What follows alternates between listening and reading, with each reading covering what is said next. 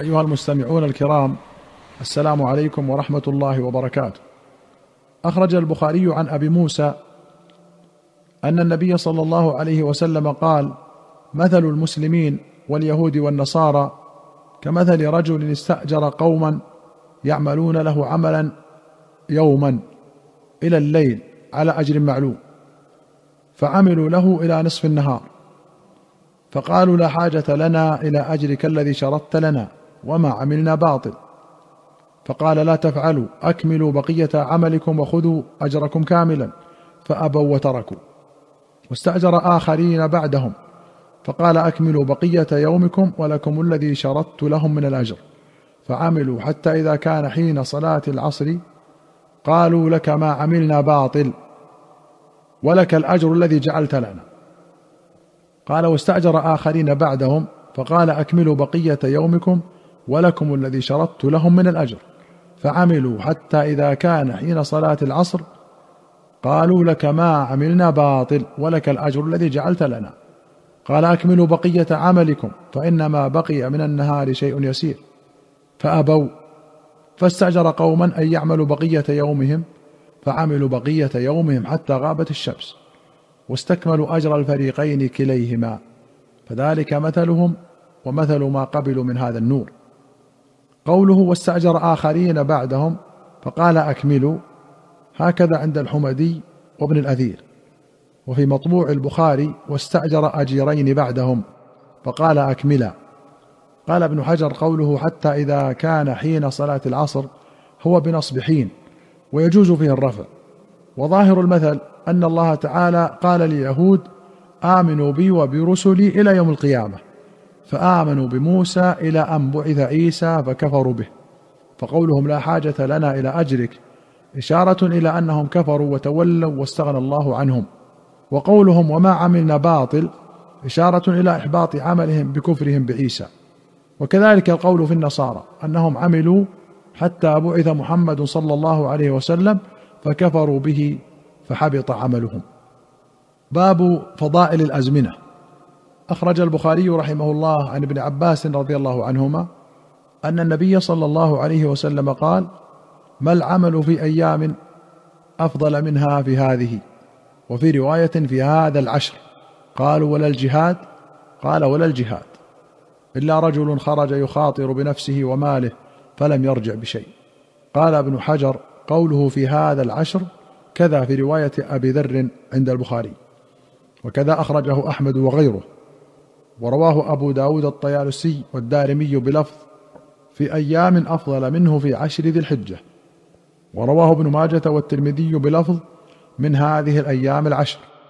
وفي صحيحي أبي عوانة وابن حبان من حديث جابر ما من أيام أفضل عند الله من أيام عشر ذي الحجة.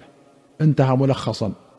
وأخرج ابن أبي شيبة وأحمد والدارمي وأبو داود والترمذي والنسائي وابن خزيمة وابن حبان والحاكم والبيهقي في السنن والبغوي رحمهم الله جميعا بسند حسن عن عقبة بن عامر رضي الله عنه أن رسول الله صلى الله عليه وسلم قال يوم عرفة ويوم النحر وأيام التشريق عيدنا أهل الإسلام وهي أيام أكل وشرب. قوله يوم عرفة أي لمن كان بعرفة. وقد ثبت عن النبي صلى الله عليه وسلم أنه لم يصمه وهو في عرفة كما ثبت الترغيب في صيامه لغير الحاج. وأخرج مسلم عن أبي هريرة أن النبي صلى الله عليه وسلم قال خير يوم طلعت عليه الشمس يوم الجمعة فيه خلق آدم وفيه أدخل الجنة وفيه أخرج منها ولا تقوم الساعة إلا في يوم الجمعة وأخرج الشيخان عن أبي هريرة رضي الله عنه أن رسول الله صلى الله عليه وسلم ذكر يوم الجمعة فقال فيه ساعة لا يوافقها عبد مسلم وهو قائم يصلي يسأل الله شيئا إلا أعطاه إياه وأشار بيده يقللها. وفي رواية وقال بيده ووضع أنملته على بطن الوسطى والخنصر قلنا يزهدها. ولمسلم قال إن في الجمعة لساعة لا يوافقها مسلم يسأل الله فيها خيرا إلا أعطاه إياه وهي ساعة خفيفة. الخنصر بكسر الخاء والصاد كزبرج وفرس وقد تفتح الصاد هي الإصبع الصغرى. قال ابن حجر قوله ووضع أنملته على بطن الوسطى والخنصر عن مسدد شيخ البخاري أن الذي فعل ذلك هو بشر بن المفضل رواية عن سلمة بن علقمة وأخرج مسلم عن أبي بردة قال قال لي عبد الله بن عمر أسمعت أباك يحدث عن رسول الله صلى الله عليه وسلم في شأن ساعة الجمعة؟ قلت نعم. سمعته يقول سمعت رسول الله صلى الله عليه وسلم يقول هي ما بين أن يجلس الإمام إلى أن تقضى الصلاة. قال القاضي اختلف السلف في وقت هذه الساعة وفي معنى قائم يصلي. قالوا معنى يصلي يدعو ومعنى قائم ملازم ومواظب.